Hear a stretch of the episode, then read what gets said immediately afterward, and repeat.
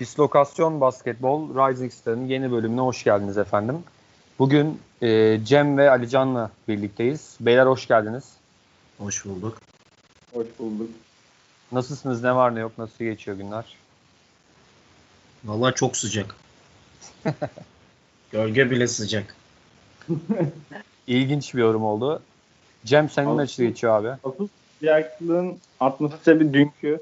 Yani F1 takip eden dinleyicimiz ya da işte veya izliyorsanız F1 yani hayatımdaki bu son bir yayın en iyi, en verimli iki saatini falan yaşadım. Dünkü yarıştan sonra On- ondan beri işte kendimi toparlamaya çalışıyorum. Lavaboda bir şimdi konuştuk. Ondan beri durumumuz o yönde. İyi ya. Bir, bir, pro- bir problem yoksa genel olarak sıkıntı da yok demektir.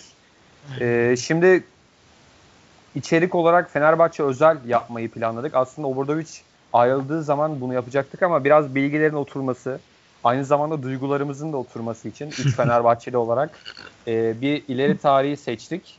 Bunun öncesinde e, affınıza sığınarak çok yakın bir arkadaşım Ali Ulaş, kendisinin bugün doğum günü. En içten dileklerimle kutluyorum. İyi ki doğdun Ali'cim diyorum. E, ve hiç beklemeden Fenerbahçe'ye geçiş yapıyorum. E, tabii ki ilk konumuz Jelko Obradovic. E, malumunuz Jelko Obra- Obradovic Fenerbahçe'den ayrıldı. E, üzüntülüyüz. e, Ali Can Bulut daha iyi ifade edecektir bu durumu ama. Yani şimdi size kısaca istatistikleri de vermek istiyorum. Yani çok geniş bir CV var Fenerbahçe özelinde. Tabii evveliyatında da var ama yani %75 kazanma yüzdesi var. E, 499 maçına 377 galibiyeti var. 500. maçında da zaten bu sezon Darüşşafka'yı yenerek şampiyon oldu Fenerbahçe Türkiye Kupası'nda. E, bunun yanı sıra bir Türk Hava Yolları Euroleague şampiyonluğu, 4 lig, 3 Cumhurbaşkanlığı, 3 Türkiye Kupası. Yani 7 yılda 11 kupayla Fenerbahçe kariyerini noktaladı Jeko Obradovic. Detaylarına ineceğiz. Duygusal olarak, teknik olarak yorumlayacağız. Ben Ali Can Bulut'la başlayayım. Ne anlam ifade ediyor senin için Jelko Obradovic? Herkes öldürür sevdiğini diye ben başlamak istiyorum. Yemin ediyorum gittiği günden beri kafamda sadece o soundtrack çalıyor. Yani çok şey bıraktı bana. Hani böyle hani bilmiyorum sizin için yani benim için en azından Fenerbahçe basketbolunun o 7 yıllık süreçteki Obra'nın takımı benim için hani böyle üzüntüyü, kazanmayı, hırsı, her şeyi böyle bir arada hani böyle nasıl diyeyim Kobe mesela Jordan'ı örnek alıyordu vesaire de ben o takımı komple böyle kendimde hayatımda bir yere koymuştum açıkçası bu 7 yıl süresince. O yüzden gitmesi, hocanın bendeki değeri yani şöyle bir şey var. Küçük bir anımı anlatayım. Ataşehir'de maça gittim ben. Sanırım Real Madrid maçıydı. Ee, tabii böyle uzaktayız biraz. Ben Hobradovic'i gördüm. Hocam ya şey de ama ilk girenlerden biriydim salona. İşte böyle 5-10 kişiyiz. Hocam diye bağırdım. Tüm salon neredeyse bana baktı. Obradovic bak bakmadı yani. Ya duymadı ya şey yaptı. Hocamın bende yeri çok ayrı. Yani dolmayacaktır da hiçbir zaman. Biraz duygusaldık. Şu an biraz daha mantık yerine geçmeye başladı ama olmuyor tabii ki. Doğru abi. Şimdi Cem'e geçeyim. O ne, ne düşünüyor Obradovic'in gidişi? O bize biraz daha net bilgiler verecek. Ama onun da duygularını tabii ki merak ediyorum. Obradovic'in gidişi hakkında çok fazla kelimeler tüketebiliriz, çok fazla cümleler kurabiliriz ama en önemlisi bizim bu 7 yıllık süreçte ve benim gibi ve bizim gibi basketbol severler 7 yıl önce basketbol şu, şubesiyle alakalı bildikleri işte çok fazla bilgisi yoktu Fenerbahçelilerin. İşte David Anderson geldi zaman, işte Mark Batist geldi, Simone Pioggi'nin zamanı oldu, Nevin Spaya geldi. Ondan önce Bogdan Tanyevich'in zamanı. Çok bir e, bilgi bilgimiz yoktu bu konuda. Basketbol hep bir üvey evlat muamelesi gördü. Ve o zamandan beri Euroleague izleyen insanlar olarak Obradovic gelmesi bizim için çok büyük bir hayaldi. Yani hadi canım falan derdik hep. Yani nasıl gelebilir ki? Avrupa tarihinin yetiştirdiği en büyük koç. Ve Fenerbahçe gibi bizim yani renklerine aşık olduğumuz bir takımın bünyesine gelecekti. Ve geldi. Ve 7 senede ulaşılması, yapılması, kendi tabirle ben gittikten sonra kupaları nasıl alacağını zor olacağını görülmesi diyen bir koçun efsanenin gidişini görmek bir bakımdan bizi çok üzdü. hala düzmeye devam ediyor. Bir bakımdan da bana bu yaşattığı gurur, yaşattığı gururlar daha doğrusu her zaman e, hafızamda yerini koruyacaktır yani. Ama bununla alakalı nasıl gitti, nasıl etti onu da konuşacağız şimdi. Aynen abi o kısma geleceğiz. Ben de kısaca görüşlerimi belirteyim. Ya şimdi herkes tabii ki Obradovic'i anarken kazandırdığı kupalar, işte galibiyet yüzdesi ben de az önce bilgileri verdim. Bunun üzerinden onu ele almaya çalışıyoruz ama bence e, hayatın bütününde spor özelinde kaçırdığımız bir nokta var. Yani e, bazı şeyler sadece o kupalar bir metal parçası ya da altın mı neyse işte onun üzerinden değerlendirilmeme. Yani burada Obradovic'in bence kupaların yanı sıra kattığı çok önemli bir şey var. Cem sen de bahsettin abi az önce.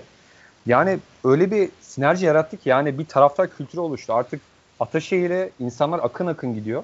Yani belki son sezon biraz problem yaşandı. Eyvallah bunları kabul ediyoruz ama o 7 yıllık süreçte öyle bir birliktelik yaratıldı ki tabii ki bunun e, başında Gerardin de bir sene sonra geldi zaten Obradovic'den sonra. Onu da eklemek lazım. Aziz Yıldırım başkanı da göz ardı etmemek lazım. E, stadyum işte salon bunu da göz ardı etmemek lazım. Yani kupaların yanı sıra dediğim gibi bu e, birliktelik, aidiyet duygusu bu artık üst seviyede e, görünme duygusu. Yani bugün bakıyoruz Fenerbahçe Obradovic'den önce bir hiçti yani hepimizin malumu. İşte Lavranovic'ler falan vardı bilirsiniz işte. E, Lavranovic kardeşler. evet ben bu arada o yaşlarda çok küçüktüm. Yeri gelmişken değineyim. Vallahi bu ben adam... şeyi biliyorum. Berat sözünü kesiyorum. Lavranovic kardeşlerle Sinan Erdem'de kupa kaldırdık Galatasaray'ı yenip. Çok inanılmaz bir duygudu o. Yani bilmiyorum efsane yani fotoğrafı var ikisi böyle kupayı falan kaldırıyor. Evet evet. Ya işte böyle Simone Pjanican falan vardı size belirttiniz şu an. Romain çok değişik. Romain Sato. Çok sinirli. Elim ayağım titredi. Romain Sato geldi. Boğmakları falan. Ya işte şuraya geleceğim. O kötü kadrolardan e, iyi yerlere geldik ve üreterek geldik yani. Bence bu her şeyden yani çok önemli bir miras bıraktı. Yani şu an kafamızda artık Fenerbahçe basketbol bir yerde duruyor. Artık e, üvey evlat değil bizim için. Basketbol, futbol ikisi de aynı şey, aynı anlama geliyor. Ben bu yarattığı değerden ötürü çok memnunum. Kendisine ayrıca teşekkür ediyorum. Şimdi bir şey daha Ce- Evet buyur şey abi daha buyur. Ee, bu biz Obra'dan önce hani bilmiyorum katılır mısınız Milano gibiydik. Yani para akıyor. Geliyor böyle. Alıyorduk 2-3 tane topçu. İşte veriyorduk parayı. Oynatmaya çalışıyorduk. Hadi başarı gelsin. Obra geldikten sonra basketbol kültürü oluştu bence. Ben öyle evet, düşünüyorum. Evet. Kesinlikle katılıyorum abi. Buna bir not geçeceğim. Yani ekleme yapayım sana. Olay şu. Kim patlama yapıyorsa sezon onu alıyorduk. İşte Bo McCarthy patlama yapmış. Onu alalım. Sato atmış. İşte Mark Batis ge- geçmişlerden yiyordun. İşte David Anderson alalım. Yani böyle bir kültür olmayacağını ki özellikle Obla'nın Gerardini geldikten sonra yaptıkları 4 transfer. İlk 4 transfer sonra Veseli'yi aldılar. Datome'yi aldılar. Her yeni tak tak tak yani nokta atış yaptı bu adamlar ve bir kültür oluşturdular. Aynen yani, öyle abi. Doğru söylüyorsun. Buyur bitir ya kusura bakma. Şey e, sonuçta bitmişti zaten de yani sonuç olarak bu işte Obradovic'in gel- gelmesi ve gitmesi arasındaki o 7 sene Fenerbahçe için bambaşka dünya dünyaya açılma konusunda bambaşka bir yol açtı. Bizim için ve dünya için. Aynen abi çok değişik bir süreçti. Yani insan da alışamıyor gerçekten. Tuhaf oluyor biraz. Ya ben hala alışamadım açıkçası gitmesine ama herhalde ya hala farkında değilim yani. Bir maçı görelim de bakayım orada o bench'te orada bir şey görmeyince anlayacağız herhalde. Ee, Cem abi şimdi tekrar sana döneceğim. Bilgilerim var. Ee, almış olduğun. Obradoviç neden ayrıldı?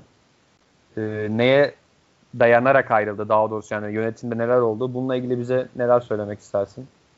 Ya buradan öncelikle ya bu bilgileri ben, benim çok yakın olduğum hatta podcast'imize de konuk gelmişti Cenk abi, Cenk Duruk. Onunla konuştum ve ona sormuştum. Dedi, o da bana birebir an, anlattı ağızla. E, Zalgiris maçı öncesi bu Maccabi ile oynadığımız çift, çift maç haftasında Cenk abi yönetim kurulundan bir e, insanla kahvaltıya oturuyor. Kahvaltıda diyor ki işte Ovadeviç böyle insandır. O yakınlık sever. Siz onun yanında durun özellikle Aziz Yıldırım zamanında hatırlarsanız her maç öncesi Obradovic'in arkasındaki bulunan e, taraftar yerinde 2-3 tane 4 tane e, yönetimden insan bulunurdu. Ve Ali Koç zamanı Ali Koç başkan başımıza geldiğinden beri hiçbir e, yönetici orada olmadı. Hatta başkanımız locasında izledi. Tarzında işte e, maçlar iz, oynandı. Neyse Cenk abi diyor ki böyle yapın, bunu yapın, işte böyle davranın. Çünkü bu adam özel bir insan. Bu adam duyguya, duygu insanı, bu duygu insanı diye şey yaptı ve böyle akıl verdim dedi bana. Ondan sonraki Zalgiris maçında hatırlarsınız bir dakika önce bir dakika kala maç, son bir dakika kala 7 sayı öndeyken maçı vermiştik. İşte maç bitmiş ve mesaj atmış Cenk abiye yönetim kurulundaki. Demiş ki böyle böyle Cengo ne oldu? Ee, biz arkada da oturduk. Kaybetti. Tarzında bir mesaj yazmış. Yani burada anlaşılması gereken şu ki bizim e, bizim yönetim kurulumuzdaki başa gelmesi başa geldikten sonraki yönetim durumu çok profesyonel bir yönetim benimsedi. Hem futbolda hem basketbolda hem de diğer branşlarda. Ama Obradovic böyle bir insan değil. Obradovic çok fazla yönetim gördü. Çok çalıştığı her takımda. Çok duygusal bir insandır. Özellikle bir anısı vardır.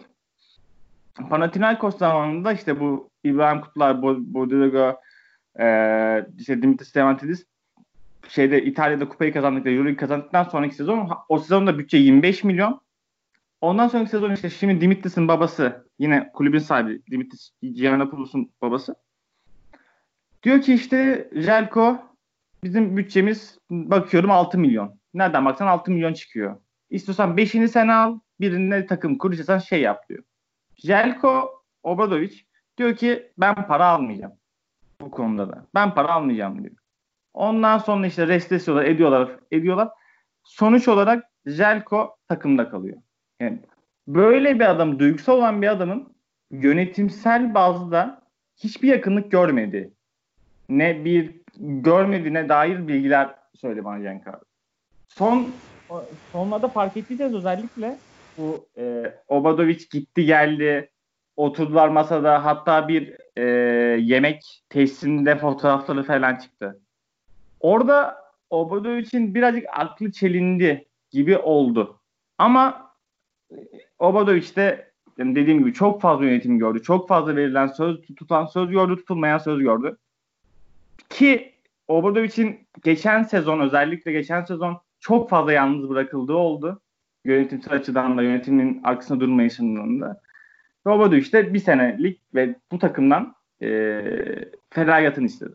Yani sonuç olarak böyle bir süreç izledi. Yani yönetimsel 50 başlı hatalar sonucunda Obradovic bizden bizden derken Fenerbahçe yanlışından değil de yönetimden uzaklaştı ve aylık böyle oluştu diyebiliriz. Hmm. Alican abi sen ne düşünüyorsun bu konuda? Çok de- derin bilgiler verdi ama sence ben, gerçekten yönetim bazlı mıdır bu ayrılık?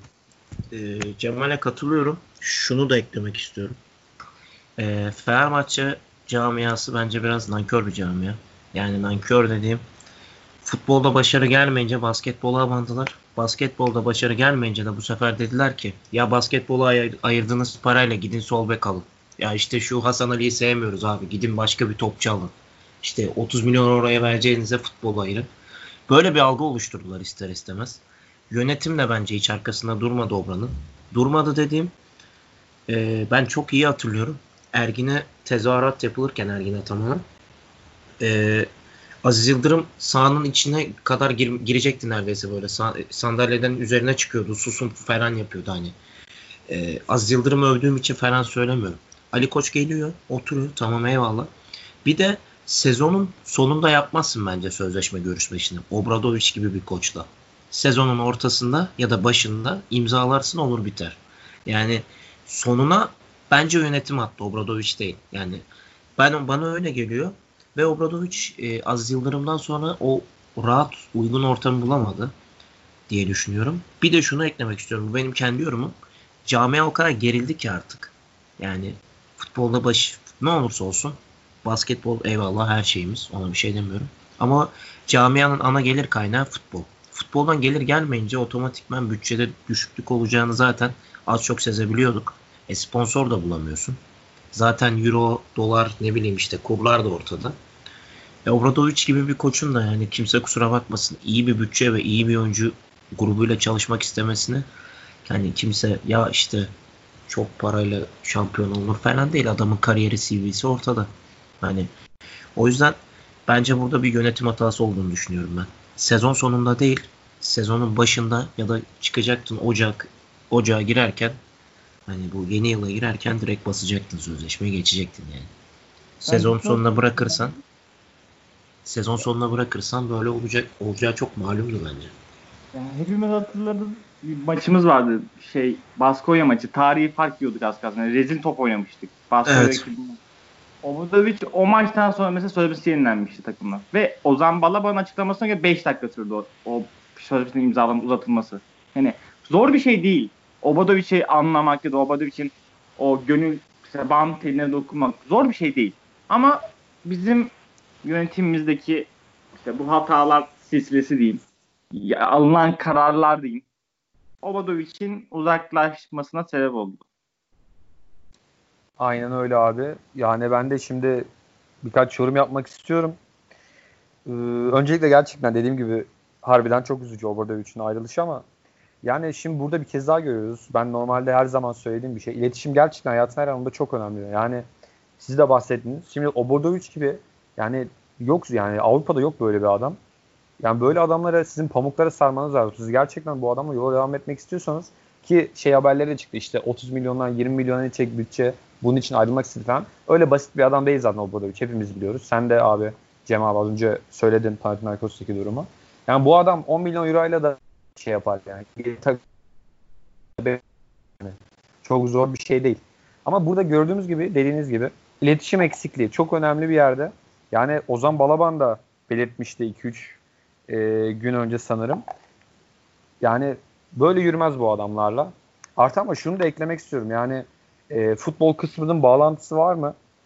E, biraz var ama şu da bir gerçek. Yani dünyanın hiçbir yerinde böyle Euroleague kadar saçma bir organizasyon yok aslında. Yani siz takım kuruyorsunuz. Yüksek bütçeler harcıyorsunuz o başarıyı elde etmek için. Kazancınız 2 milyon euro falan. Yani sizin banko yıllık 18 milyon euro bir zararınız oluyor. Ben burada aslında yönetim de bu noktada anlıyorum. Yani artık e, şu durumda Fenerbahçe'nin tabii ki futboldan gelen sıkıntılar bunlar. Basketbolla bir alakası yok şu anki borçların. E, işte gittiler. Şimdi ben de Fenerbahçeliyim biraz özel eleştiri yapacağım. Van Persie'leri aldık. Şu an Falcao'da yaşanan sorun gibi. Futbola çok girmeyeyim de. Oralardan gelen sorunlar hep yani. Gittin verdin Falcao'ya, Nani'ye verdin. Örnek veriyorum şu an aklıma gelen oyuncular. Yani bunların basketbol yansıması da üzücü ama yani olması gereken bir şey gibi. Eskilerden gelen kaynaklı. Gönül ister ki ikisi ayrı olsun. 20 milyonuna futbol ayrı. Bütçe o şekilde daha net bir şekilde devam etsin. Ama işte bizde işler öyle ilerlemiyor. Ee, şimdi buradan şuraya geleceğim. Bütçeleri konuşmuşken birçok koç gündeme geldi malumunuz Obradovic'den sonra. Ha, bu arada Obradovic kısmını ufak ufak kapatıyorum. Son bir şey demek isteyen varsa sözü vereyim ona. Yol açık olsun. Yani biz ondan razıyız. O da bizden razı olsun. Alican abi bir şey demeyecek herhalde. Sözün bittiği noktadayım. Harbiden üzücü yani. Ee, bu arada onun da şey düşünülüyordu ama yeri gelmişken söyleyeyim işte bir sene dinlenir diğer sezon gelir mi falan ama e, Kokoşkov'un gelmesiyle de bu gündem rafa kalktı. Ee, Evet, dediğim- geçseydi evet evet. Ee, şuraya geleceğim şimdi birçok koç adayı gündeme geldi. Bu arada biraz hızlanalım süremizde yavaş konuştuk ama Obradovic daha çok süreler hak ediyor. Orası da bir gerçek. Şimdi Saras Seskevicius önce gündeme geldi malumunuz. İşte Türklerden Serkan Erdoğan, Serkan Erdoğan diyorum kusura bakmayın Ertuğrul Erdoğan. Ee, Ufuk Sarıca gündeme geldi. Ayrı olarak Erdem Can var Obradovic'in yardımcısı o gündeme geldi. Ama kimsenin tahmin etmediği Kokoşkov'la imzaladık. Ee, tabii ki Saras'ı hepimiz çok istiyorduk ama işte ya bu Fenerbahçe'nin neyidir? Ya tam anlam veremiyorum ama Barcelona'da işte bir İspanya'da kupa finali oluyor. Yine etkisi Fenerbahçe'ye buluyor. Yani çok ilginç bir camiayız. Yani Saras'ı bekliyorduk hepimiz. Son topta aldı Baskonya. Çok ilginç bir şekilde. Yani Duško Ivanović de malumunuz Beşiktaş'tan gitti bu sene. Oradan ayrıldı gitti. Kupayı aldı İspanya'da. İşte Pesic'i de yolladılar. Saras'ı da kaptılar.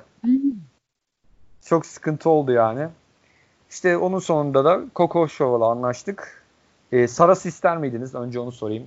Ee, Alican abi senle başlayalım sorar. Valla ben Saras'ın oyunculuğundan beri takip ediyorum hayranlıkla. Hani Saras'ı kim istemez? Zaten Zalgiris'e koç olduğunda Houston falan istedi. Adam ya ben ne yapacağım NBA'de falan deyip reddetti. Hani görüştü masaya oturdu ama gitmedi. Onu biliyorum. Ee, Valla Saras'ın ge- geleceğini bir an böyle bir düşündüm. Hayalini kurdum. Gerçekten de Obra'nın yerine en güzel Saras giderdi. Bu bir gerçek ama olmadı. Ee, hani böyle yapı olarak falan da çok birbirine benziyorlar böyle hani nasıl diyeyim. Ee, bench'te duruşu vesaire. Keşke olsaydı ama o nasıl nasıl diyeyim e, bizde bir Ömer Onan ya da ne bileyim Yan Meseli bir efsane ise Saras da Barça da öyle. O yüzden gitmesini çok doğal buluyorum ben. Abi peki sözünü bitirmeden şunu da sorayım. Barcelona ne yapacak abi? Hangi kup NBA'yi falan da alır mı acaba? Ben çok merak ediyorum. Yani öyle bir kadro var ki inanılmaz bir kadro. Daha takviye de yapacaklar. Ki sanırım Vallahi- Nick Calates falan alıyorlar. E, Nick Calates geliyor e, sanırım. Pau Gasol Saras demiş neden olmasın. Hani ne kadar yaşlı olursa olsun biz de onu istiyoruz vesaire gibi bir açıklama okudum ya da duydum öyle bir şey var. Bu ikisi gelirse de zaten hani bence Euroleague'de oynamasınlar o bütçeyi ve o kadroyla. Mitrovic falan da var. Hani umarım böyle nasıl diyeyim sakatlık falan olmasın da ne bileyim böyle takım içi bir kavga olsun bir şey olsun da böyle biraz başarısız olsunlar. Vallahi abi senden de korkulur. Şöyle saçma bir espri yapayım. Komik değil ama. Ee, Cem abi sen devam edeyim. Sen ister miydin Jelko'yu? Ya da başka birini mi isterdin? Hayalinde başka biri mi vardı? Ya Saras herkes ister de ben bu Saras'ın neden gelmediği hakkında bir ufak bir e, detay vereyim, bir neden vereyim. Saras'ın ilk e, büyük sahne çıktığı takım Barcelona.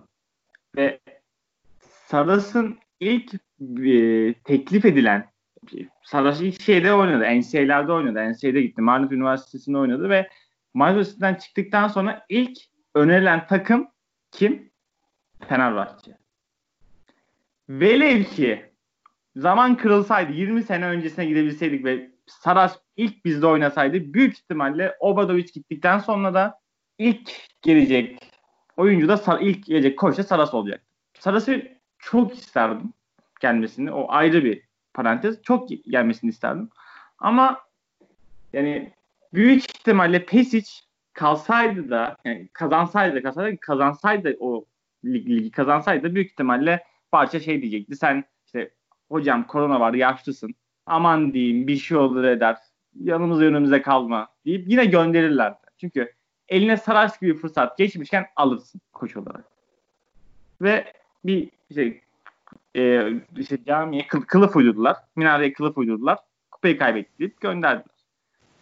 O yüzden Aynen öyle. ben bir şey beklemiyordum. Ben gelmesini beklemiyordum zaten. Bahçe mevzu çıktığından beri. Aynen öyle abi. Ya açıkçası ben de çok heyecanlandım ilk duyunca. Zaten akıllara direkt Saras geldi ama ya orada bir Barça gibi bir takım durunca da o bütçeyle, o kalitede ki Saras da hak etti bunu sonuna kadar. Zalgiris de Final Four da yaptı aynı zamanda. Yani işte malumun ilanı oldu. Biliyorduk. Oldu. Bir umut dedik. Pesic acaba yanlışlıkla kupayı alır mı falan. yanlışlıkla da alamadı. Yani harbiden Tamamen- ben Pesic kadar başarısız Tamamen tarafsız görmedim. konuşacağım. Pesic hocamı yiyorsunuz burada. Dünyanın en iyi koçudur kendileri. Yani Barcelona'dan gitmese şu an Saras bizimleydi. Tamamen objektif bir yorum bu. Berat devam edebilirsin. Ya işte neyse Pesic'i de çok gömmeyelim şimdi sıkıntı çıkabilir de. Ee, neyse buradan ben Kokoşkov'a geleyim. Önce şunu diyeceğim yani Ufuk Sarıca ismi falan geçti. Aman Ee, diyeyim ya. ya Hiç ben beğeniyorum aslında siz neden beğenmiyorsunuz? Valla bence gayet iyi koç Türk hocalardan. Gayet iyi koç ama yani eğer Ufuk Sez'e gideceksek Erdem Can'a gidelim. Yani bu riski alacaksak Erdem Can'la alalım bu riski. Eğer Türk koç o çünkü işte Summer Lig'lerde görev aldı. Kaç yıldır Jelko'nun yardımcısı. Yani alacaksak Türk koç riskini riskin derken ya Türk koça gideceksek bunun en büyük hak eden Erdem Can bence. Günahıyla sevabıyla. Ne olacaksa olacak diye Kesinlikle ben. katılıyorum. Kesinlikle. Çok doğru abi. Ben de zaten Erdemcan'ı düşünüyordum. Yani e, Obradovic'i zaten Demetçi'nin de belirtiyordu. Yani bir gün e, bir yaz akşamı Erdemcan'ı görmek isterim diyordu öğrencim olarak. Zaten böyle çıkıyor bu tarz koçlarla fırsat vererek çıkıyor. Ya ben şeye sinirlendim önce. Birkaç gün bunu düşündüm. Ya Ufuk Sarıcı geliyorsa 20 milyon bütçe falan olmaz. Bu adama düşük vereceksin. Allah'tan gelmedi. Ya ben kendisini çok beğenirim. Özellikle hatırlarsınız e, Türkiye-Amerika maçı. Hala aklımda. Geçen yine izledim o maçı. Yani müthiş. Çok şapkanın harbiden tavşan çıkarmış. Bir alan savunması. E, böyle Kembalar falan şaşırıyor. Ne oluyor falan diyorlar böyle. Harbiden müthiş bir oyun. Ama Türk e, basketbolunun makus talihi diyeyim. Serbest atış, faal problemi. Her yerde Evet. karşımıza çıkıyor. 4-0. Onu, onu sonra onu sonra programın 4 kaçırdık orada. Ama bence buna ayrı bir saat ayırmamız lazım. Türkiye basketbolunun serbest atışının. Ya harbiden yani bu arada en temelden yükseğe kadar her yerde böyle yani çok ilginç çok edilecek söz var bu konuda da. Neyse şimdi çok dağıtmayayım konuyu. Ee, şimdi Kokoşkov'u biraz değinelim efendim. Ben biraz onunla ilgili bilgi vereyim. 17 yıldır NBA'de Kokoşkov ve NBA'de ilk e, Avrupalı koç ünvanına sahip. E, evveliyatı çok uzun gerçekten. Yani anlat anlat bitmez. Zaten 17 yıllık NBA'de kariyeri var. E, bir kez baş antrenörlük olmuş kendisi. 2018-2019 Phoenix Suns'ta. Onun öncesinde birçok takımda e, yardımcı antrenörlüğü var. Siz aynı zamanda girip bakabilirsiniz. E, ben şuradan alacağım. 2016-2017'de Slovenya ile şampiyon oldu. Ardından 18-19 Phoenix Suns'ta baş antrenördü ve bugün e, Sacramento'da Luke Walton'ın baş yardımcısı. E, zaten oradan Bogdanovic'le falan oradan tanışıyorlar. E, iletişimleri var ki siz de biliyorsunuz birçok basketbolcu kutlama mesajı yayınladı. Bogdanovic, Luka Doncic, işte Jamal Crawford falan, e, Goran Dragic. Aynı zamanda Sırbistan'ın da şu an baş antrenörü. E, ve şöyle bir ilginç ayrıntı var. 2004-2005 sezonunda o zaman Sırbistan Karadağ milli takımda Obradovic'in yardımcısı. Çok parlak bir sezon dönem geçirmemişlerdi ama o zaman da Obradovic'le bir yakınlığı, e, birlikteliği var. E, Kokoşkov tercihini nasıl değerlendirirsin? Alican abi senle başlayayım. Kokoşkov'un şöyle e, ben bir kere beğeniyorum hani hocayı. İsmi bile güzel. Igor Kokoşkov. Yeni hocamız. Hayırlı uğurlu olsun.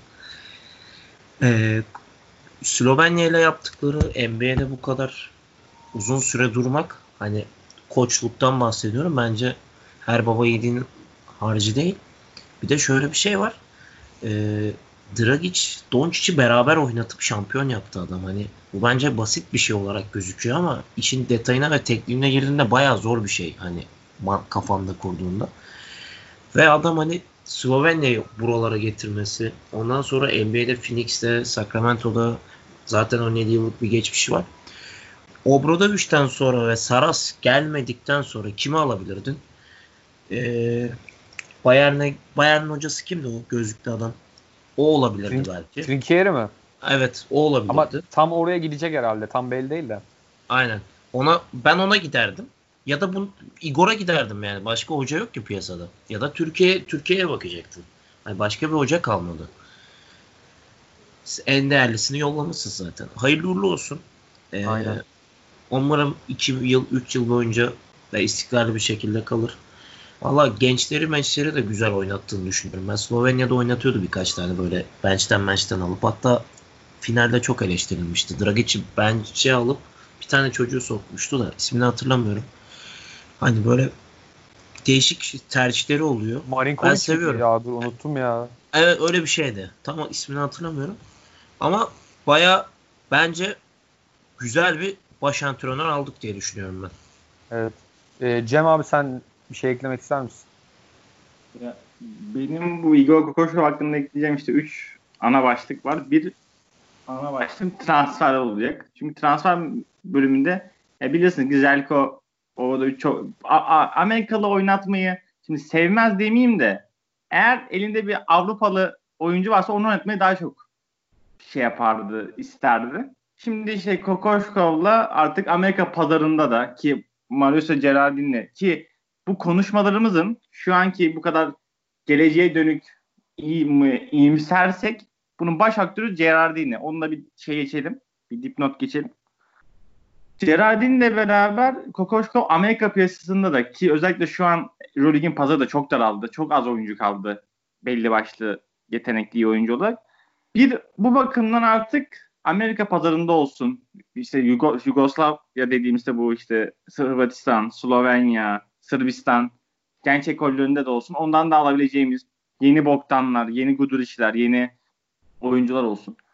Bu, bu bakımdan bizim için büyük bir artı. İkinci bakımdan Kokoşkov çok büyük e, bir yanılgı var. İşte 2018 şeyde Phoenix'e gitti. Phoenix'ten işte kovuldu edildi falan filan. Igor Kokoşkov o sezon geçtiğinde draftlarda birinci sıradan seçiyordu Phoenix Suns. Ve Igor Kokoşkov tabir yerindeyse yani her yerinde parçaladı. Doncic alalım diye. Velev ki Doncic alsaydı draftlarda Kokoşkov şu an NBA'deydi. Yine head coach'unu sürecekti büyük ihtimalle.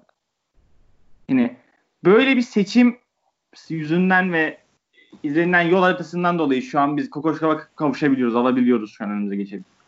En son noktada Kokoşkov hamlesi bir büyük takımın nasıl bir yol haritası işlediğini ve bu Fenerbahçe özelinde anlatayım. Çok fazla işte Aspagas haberler çıktı. Yok alabiliyor muyuz? Bunun maalesef kim gelecek kim gelecek? Kimse beklemiyordu Igor Kokoşkov. Tak diye aldı. Bunun nedeni de şudur ki böyle alabilmemiz ya da böyle gelebilmesi sebebi de şudur ki Obrado için 7 sene içerisinde bizim dünya çapının öyle bir tanınırlık sağlattı ki bize artık her yerde ve bir şekilde Fenerbahçe bir oyuncuyla mı ilgileniyor ya da bir takımla mı ilgileniyor? Artık bizi kaliye, ciddiyet alabilecek bir yapı oluştu. O yüzden ben Igor Kokoşov hakkında ki basketbolda çok yani akıl olarak da çok iyi bir koçtur ki Avrupa Basketbol Şampiyonası'nda gördük. Dragic'le bu kadar neler yapabildiğini takımın. Ben çok umutluyum. Kokoşov çok da mutluyum. Yani gelebilecekse en iyisini getirdik gene. En iyisi derken seçenekten en iyisi. Çünkü en iyisi gitti. Aynen abi. Yani şu da bir gerçek. E, hepimiz bunu düşünüyordur mutlaka.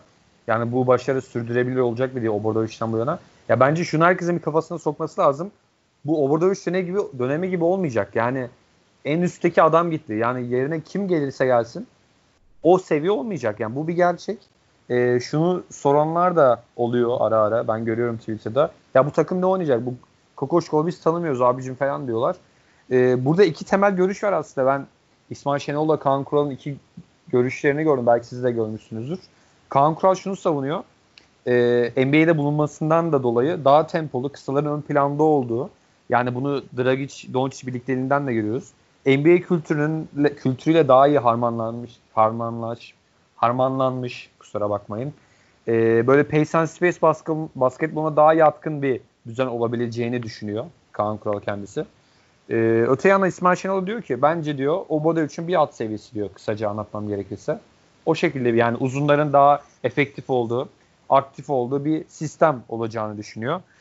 Ee, Alican abi sen ne düşünüyorsun? Nasıl olur? Vallahi İyi olur ben muyuz? Şunu düşünüyorum. Şey geldi aklıma da. E, Gasfer Wittmar'ı adam faal pro- program, problemine sokmuyordu Avrupa Şampiyonası'nda. İspanya'ya karşı evet. tek pivot oynadı adam. Hatırlıyorum ben onu. Yani e, günümüz modern basketbolunu daha çok ayak uydurmayı seven bir koç. O, yani benim düşüncem şu. Bence Sulukas'ı yollayacağız biz. Onun yerine böyle daha nasıl diyeyim playmaker ya. değil de playmaker değil de böyle bir daha bir estetik tempo yapan bir şey alacağız. Ama kimi getirecekler, ne yapacaklar onu bilmiyorum. Yani bence başarılı olacak. Şunu da gösterdi Fenerbahçe yönetimimize.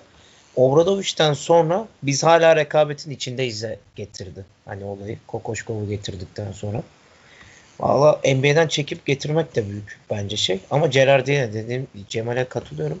Gerardine çok gerçekten çok büyük bir yönetici. Yani Obradovic gitmesine bir şey demiyorum.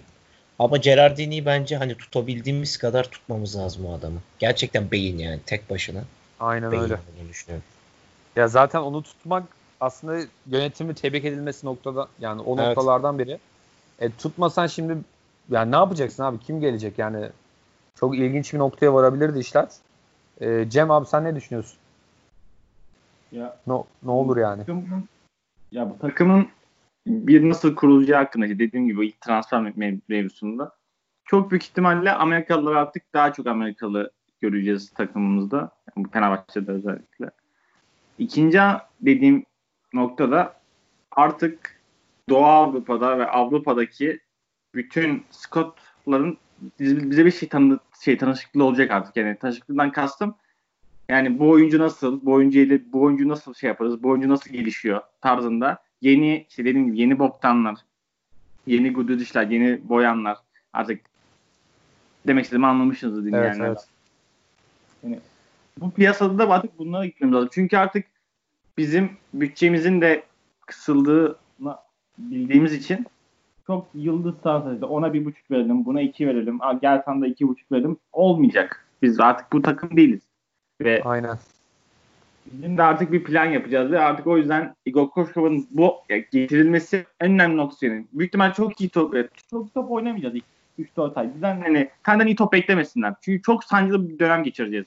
Ki taraftar da bunun en önemli işte bayrak taşıyan olacak. Niye bunu getirdiniz? Niye burada bir gitti?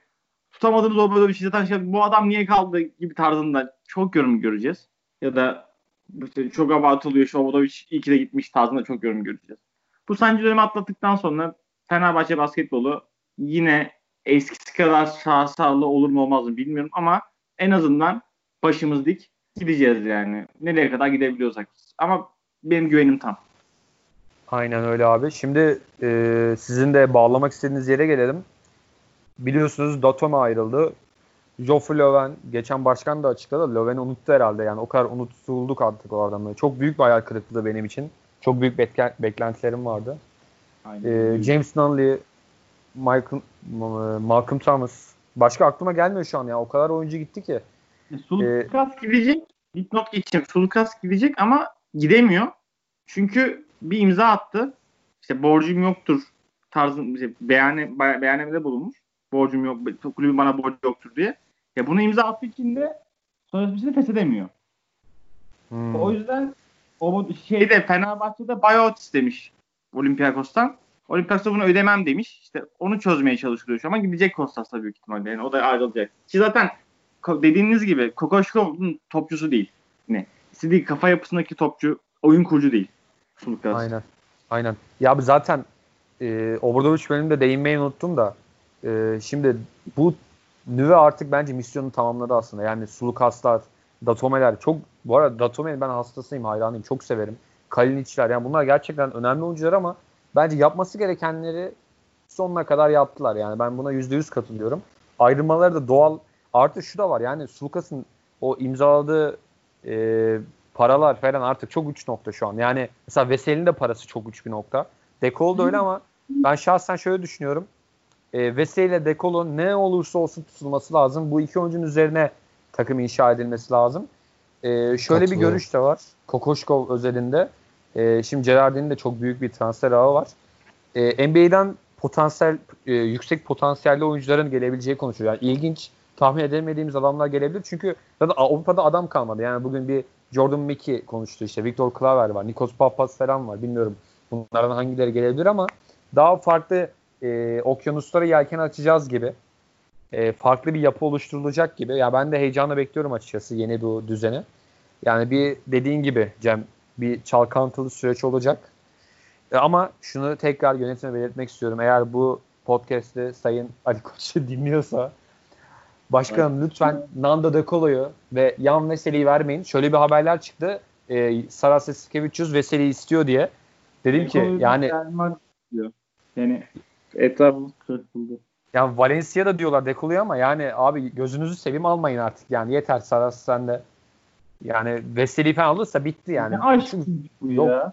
Ne aşkmış bu. Mesela aşk neymiş bu? Sırasını anlatamıyor, anlayamayacağız, anlamayacağız bir seviyede. Nerede Hani abi- Veseli aşk? Veseli bulamazsın ki. Yani yok Karl Heinz belki dersin ama ya Veseli çok değerli bir oyuncu. O hem pace and space basketbol diyoruz şimdi. Ee, yüksek alan yerleşimi ve hücum kısmında yüksek alan. Savunma kısmında switch temelli savunma diyoruz. Bunu Veseli'den iyi yapan adam yok. Yani Veseli istatistik olarak bilmiyorum ama o Uzun olarak- olsun- Evet evet. Uzun olarak bir kısanın karşısında durması bence inanılmaz bir şey. Yani. Aynen. Kesinlikle. Tek kötü noktası var Veseli'nin. Sözünüz kesim özür dilerim. Tavares'i görünce birazcık.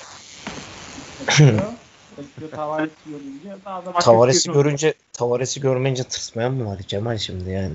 O adam hayvan gibi bir şey bu. Vay ya. Aklıma Final Four şimdi şey falan geliyor. O Doncic'in işte şov yaptığı, o Tavares erken fauller falan rebound alamaz. Şu an yine geldi aklıma maçta. Yani abi işte uzun lafın kısası e, Tavares olsun, başka oyuncu olsun hakkıdır Veseli abimizin. Yani ama Evet. kalsın. Bu takımda kalsın. Yani zaten İsmail Şenol da şey belirtti. Veseli dışında kalacağını düşünmüyorum dedi de ben buna bir de ek olarak Nando De Colo diyorum. Böyle bir oyuncu bulamazsınız. Bu sene çok eleştirildi ama artı Sulukas gidecek ki öyle diyorsun Cem. Öyle. Çok daha bence performans artacaktır. Yani Sulukas'ın gitmesi bence birçok şeyi e, yerine oturtacak. Yanında daha böyle bir tamamlayıcı e, bir guard olursa yani lider olmak istemeyen bir guard öyle anlatayım. Bu arada Leo Westerman kaldı. Bunun hakkında ne düşünüyorsunuz? Hemen çok kısa bir yorumunuzu alayım. Cem abi senle başlayayım. Ben Westerman'ı hep beğeniyorum ya. Ben, benim Westerman sevgim nasıl bir oluştuysa hiçbir fikrim de yok nasıl oluştuğuna dair. Geldiğinde çok mutlu olmuştum. O yüzden kalması yani ikinci parça guard, ikinci da işte oyun kurucunun yanındaki guard. O ben iyi bir oyuncu ya ben beğeniyorum. Artı e, Barça konusunda da işte bu Veseli konusunda da Antitomiş'le şeyde e, şeyle feshettiler sözleşmeyi. Yani İnşallah o sene oraya da gitmeyelim deyip bu konuda ben çıkıyorum. Bu konuda çıkıyorum daha. Konuşuyorum. Zenit diyorlar Tomic ama çok doğru bir karar bu arada. Yani Saras eğer bir karar alsaydı bence de bunu almalıydı. Yani başka bir şey yapmasın bu takım daha da uçar bence. Tomic Ya kadar vallahi- Yani bitti abi Tomic artık yani. Kaç yıllık oyuncu. Çok ilginç bir karakter. Yani artık günümüz basketboluna uymuyor yani. Çok uç bir oyuncu. Ee, işte bakalım neler olacak. Şimdi özel bir bölüme geldik efendim. Şöyle aslında biz Obradoviç bölümünü biliyorsunuz en başta bitirdik ama e, Alican abi yıllardır bana yazıyor işte lütfen Obradoviç'in gelişme kaydettirdiği oyuncuları bir konuşalım. Özellikle Nemanja Bjelica''yı konuşalım diyordu. Ve birazdan sözü ona bırakacağım. Ya birçok oyuncu var şu an aklıma gelmeyenler de var. Nemanja Bjelica, Jan Veseli, Bobby Dixon, Boyan Boyan diyorum. Bogdan Bogdanovic, Kalinic bence. Ekvido, Kalinic, Marko Guduric ve bence en önemlisi, en göze batanı Melih Mahmutoğlu. En çok gelişme kaydettirdiği bence. Dixon 30'undan sonra savunma yapmayı öğrendi bu takımda ya. Ya adam Luka Zoric'ten Maccabi deplasmanında verim aldı. Yani bu Çok tweet ilginç. bu kadar gerçekten. Kenan Spahya en son şey diyordu ya. Sözünü kesin özüm. Kenan Spahya son top 3. maç. Geçmeyecek. Maçı. Geçmeyeyim. Geçmeyecek falan diyordu. Durmanın ciddiyetini kavrayalım. Çok ilginç ya. Mesela Andrew Gadlock falan vardı bilirsiniz. O şey adamın teki böyle sünepe adamın teki söyleme sahiptir. Ona bile iyi bir basketbol oynattı ki o sezonda ilk Final Four'umuzu yapmıştı. Aslan gibi oynamıştı o çocuk ya. Mentionlaşmıştım Ender Gattak hakkında doğru konuşalım. Ender Gattak hakkında doğru konuşalım. Yani çok ilginç bir antrenörlerden bak hala anmadan geçemiyoruz. Şimdi Nemanja Bjelica ayrı bir parantez açacağım. Ee, Ali Can abi Lines- ne yanına bir... Rines Glaza'ya da bence ayrı bir geliş şey parantez açmamız lazım. Neden derseniz hiçbir gelişim gösteremedi. Kleiza ya. Dış şut abi.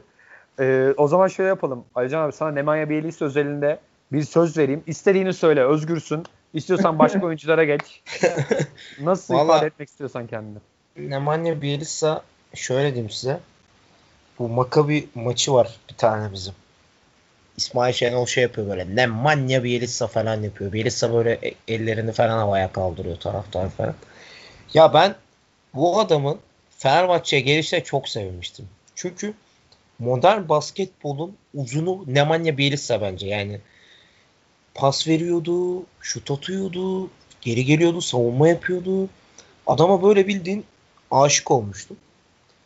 Yani fanboyluktan ya bu Nemanja Bjelica özel hayatıma taşımıştım ben biraz. Ve e, hani böyle bir şey olduğunda ya abi Bjelica işte sen Bjelica gibi adamsın falan yapıyordum. O yüzden bende yeri çok ayrı. Bambaşka bir yeri var. Daha sonra anlatırım. Neyse bunu özel konuşuruz. Evet. Bu arada bilmeyenler için kendisinin Twitter'da kullanacağı da Nemanja Aynen. Bjelica.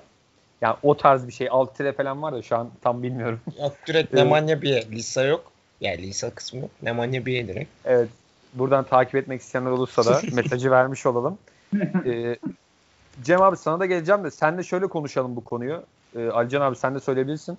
Yani senin göze batan hangi oyuncular geliyor şu an aklına? Yani Obradoviç döneminde böyle bir 2-3 nokta level atladığını düşündüğün oyuncular kimler? Ya cidden demin bağırarak girdim. Yine yani Bobby Dixon geldi mesela Prag Karşıyaka işte o efsanevi şampiyonluk falan filan 30'undan sonra savunma yaptı bu adam. Ve hatırlarsınız hepimizin hafızasında o pozisyon var. Savunmayı yaptı. Obradoviç geldi sarıldı bu adama. Dedi sen ne yapıyorsun yani? Bu, İnanılmaz nasıl bir, bir, şey? anda ya. İnanılmaz bir sekanstı o. Ya bir şey diyeceğim. En büyük adamı unuttuk ya. Euroleague Ha. Final Four MVP'sini unuttuk. Ekbe Yudo. O Neydi, geleceğim ne ona. oldu ya? Geleceğim ona. O- Geleceğim birazdan. işte Kenan Spider falan filan yani bak en çok hayal kırıklığı yaşadım dediğin şey Lines, Lines Glazer. En çok benim hayal kırıklığı yaşadığım Ömer Ömer Yurt severdi. Ömer Yurt severdi. Doğru mu? Hatırlıyorum. Evet. Evet. Şu an işte işte Georgetown'da oynuyor. Benim en büyük hayal kırıklığım o. Eğer ki kalsaydı ne çıkabilirdi işte? Neler çıkabilirdi? Bu kaç senedir Semiher'den ne bağlı kaldığımız center pozisyonda Türkiye'de. Neler Abi- çıkartabilirdi? O bu Abi- elinde. Keşke şuna değinmeseydin de o Semiyer'den konusu kanser abi. Artık çok sinir oluyorum ben. Hala Semiyer'den oynuyor. Bu nasıl bir altyapı? Yani akıl alır gibi değil. Bir tane de üretemedik ya. Bak yine sinirlendim. Semih'den harika bir karakter. Ki Semiher'den de Oblo için filmdendir. Evet Ee, evet. Çok seviyoruz kendisini de işte üretim sorunu var. Üretemiyorduk. Yani Aynen abi devam maalesef. et. Cem abi. Başka işte aklıma gelen Melih Mahmutoğlu zaten %100 şeyimiz. Kostas Sulukas Kostas Sulukas zaten ya Yunanistan'dan geldiğinde birazcık soft bir oyuncuydu. Yani çok şey değildi. Vasil Spasov'da çok şey kalmış ama Fener geldi o da yaptı. Bogdan ya Bogdan Bogdanovic Partizan'da kocasıyla kavga ederken, koçuyla kavga eden bir e, hırçın bir süperstar, hırçın bir e, pot- şey bir oyuncuyken e, po- potansiyel olan bir oyuncuyken şimdi geldiği nokta. Obradovic'in e, şeyinde geldi. Luka Zoric e, Nikos Dizis bile gelişti kaç yaşından sonra bu takıma geldikten sonra. Öyle. Yuki Evet, Hickman. evet. Yani neler var? Andrew Gutlock. Yani çok Bence bağımsız. Ce- James James Nunley de çok ıı, yani adam İtalya Ligi MVP'si olup geldi buraya. Rol oyuncusu olmayı kabul etti. Aynen. Köşe Bir Amerikan- oldu. Aynen bir Amerikan Ben için benim- bence zor bir şeydi bu. Yine Jason Thompson mesela. Obradovic'in mesela güven ya buna gelmeyelim mesela yani. Obradovic'in yaptığı en kötü transferden bir tanesiniz. Jason Thompson mesela. Gelişemeyenlerden baktığımız anda. Aynen. Ya Biraz- Jason Thompson da abi nasıl bir maçı ilk 5 dakikasında 4 faal alıyordu. Çok tuhaf bir adamdı ya. Sürekli faal yapıyordu yani. Bence onu yine İyi ya. kullandı yani aynen. Evet. Ee, abi ben de şuraya geleceğim yani şimdi düşünüyorum da mesela Yan Veseli ilk geldiğinde neredeydi şimdi nerede? Şimdi tam bir yani o e, hücum kısmında mesela tepeye geçişi falan bu El Horford gibi NBA'den örnek verecek olursak o e, işte sistemleri döndüren bir adam konumunda yani tepede. Müthiş bir pas görüşü yeteneğine sahip oldu Obradovic'le birlikte. Çok sıradan bir uzundu bence ilk geldiğinde. E, Veseli Yudov birlikteliği e, ayrı yani çok inanılmaz bir noktaya taşıdı ki biz bununla şampiyon da olduk. Hatta ondan önceki sezonda oluyorduk ki La Monica mıydı? Hakem ya hep karıştırıyorum bu hakemleri La ama Monica! La Monica! Faal faal olması lazım. Sulukas. Ben onun ismine bakıp gideceğim. E siz şey yapın. Şey, onu ben bulacağım onu dur. Çok, ha, çok kuruldu şu an ona. ya işte o sezon çok büyük hayal kırıklığıydı tabii bizim için. Ee, orada bir Theodosic'in stepsi vardı sanki. Öyle hatırlıyorum. Ee, onun yanı sıra e, Bobby Dixon dediğiniz gibi savunma yapmaya başladı bu adam yani. Fener'e geldiğinden beri inanılmaz bir seviyeye çıktı. E Bogdan Bogdanovic konuşmaya gerek yok. Marko Guduric yani bizim biliyorsunuz her sene NBA oyuncumuz gidiyor. Marko Guduric'i belki çok bir şey yapmadı diyeceksiniz ama o da adam da NBA'ye gitti yani. Bir sezonluk yani küçük nüans performanslarla. E, Nemanja Bjelica kısmında da haddimi aşmak üzere Ali Can Bulut'un karşısında ama şunu söylemek istiyorum aklımda kaldı. E, Barcelona maçı vardı bilirsiniz. Son saniye yine nefis bir set vardı. Of. E, orada bayağı Bielitsa bitirmişti. O maçta çok mutlu olmuştum ben. Çok güzel bir hem maçtı hem de son saniye e, setiydi. E, dileyenler, hatırlamak isteyenler veya hiç izlememişler bakabilir. Gerçekten çok güzeldi. E, ve son olarak Melih Mahmutoğlu'na geleceğim. Yani bu adam sadece şut atıyordu. Yani tek özelliği şut atmak. Artı bu tarz oyuncular artık günümüz basketinde önlem, önlem almak da kolay. Yani ben şöyle düşünüyorum. Bugün bir Ray Allen gelse ya tabii ki çok uç bir örnek de bence eskisi kadar verimli olamaz. Çünkü e, mesela şeye bakıyoruz. Kyle Korver'a bakıyoruz. NBA'den örnek vereyim. Yani artık verimi olmuyor adamın. Çünkü hep bir pikten çıkması lazım. Bir set olması lazım. Artık bunlara oyun kaldıramıyor. E, Melih bunun gördü ya da Obradovic gördü. Sözü bırakacağım size hemen. Yani artık topu yere vuran bir oyuncu haline geldi ki öncesinde de bahsettim Amerika maçında e, Donovan Mitchell'ı 2-3 kez böyle e, pazar yolladığını da e, AMN tabirle gördük. Yani çok başka bir seviye çıktı bence. E, Alican abi sen bir şey diyordun. Şimdi objektif olalım öncelikle. Stephen Curry'nin bilekleri mi derseniz, Melih Mahmutoğlu mu deseniz ya da benim Ray Allen mi deseniz, Melih mi deseniz. Mahmutol daha ucuz oynuyor. Yüzde Hadi yüz bakalım. objektif bakalım olaya. Ben Melih alırım. Yani Ben de kesinlikle. yani Curry gibi bir showman falan yok yani. Ya Olmaz. onu bunun içinde bütçeye bakalım ya. Bütçe. Steph kaç alıyor, Melih kaç alıyor? Değil fiyat mi? performans çok iyi abi aynen. Fiyat performans çok kaliteli. De o kurulduğum hakem hepimizin de nefret kustu hakem Damir Yavor. Bunda dipnot geçeyim. Aa evet doğru. Hep karıştırıyorum ya. Doğru doğru doğru. Aynen. Şimdi hatırladım. Bir de Real Madrid'in bir 4 numarası vardı. Ondan da nefret ediyorduk biz. İsmini unuttum ya. No, şey, Noşnoni mi? Nocioni mi? Nocioni aynen. Andres Noşnoni aynen aynen. O şey ilk Final Four'umuzda tekme tokat ayak atıp Bielitsa'yı Aynen. dövmüştü. aynen. Abi vallahi sen de unutmuyorsun ya. Bielitsa ne olursa kafanda. Yok, Bu arada abi o şey hayır. Kısa bir sorayım. LeBron bu sezon bir posterledi Bielitsa'yı. Üzüldün mü? Valla onu gördüm. Moralim bozuldu da Lebron olunca bir şey diyemiyor insan. Harbiden yani yapacak bir şey yok. Orada Evet. da çok Ama yermeyelim. keşke hani Fener formasıyla değil de keşke Euroleague'de izlesek. Çocuk kilo falan aldık. Depresyona girdiğini düşünüyorum ben onun orada. O kendi içine kapanık bir adam o. Böyle Instagram hesabı falan da var. 2000-3000 takipçisi falan var. Çok değişik bir adam. Aynen öyle. Neyse beyler eee, bitti program. Bitti. Çok memnun kaldım bu programda. Bilmiyorum siz neler düşünüyorsunuz. Son bir şey eklemek isterseniz Cem abi senle başlayayım. 7 senemiz bitti diyelim ya. İşte 7 senemiz. Böyle gır gır şamarlar, üzüntü, sinir, stres. Böyle Aynen. Böyle geçti. Her gecenin bir sabahı vardır diyorum ben. Aynen. Aynen çok güzel bir sözle kapanış yapalım. Ben de çok uzatmayayım. Ee, gönül isterdi ki 7 sezonun 7'sinde tek tek konuşalım ama süremiz buna el vermiyor. Ee, tekrar bizleri dinlediğiniz için çok teşekkür ederiz. Ee, biraz duygusal bir yayın olmasını diliyorduk ama nedense ben şu an gülerek ayrılıyorum. Tuhaf oldu. Ama gülmek de güzeldir dediğimiz gibi. Ee, tekrar kendinize çok iyi bakın. Hoşça kalın diyorum. Görüşmek üzere en kısa sürede. Görüşmek üzere.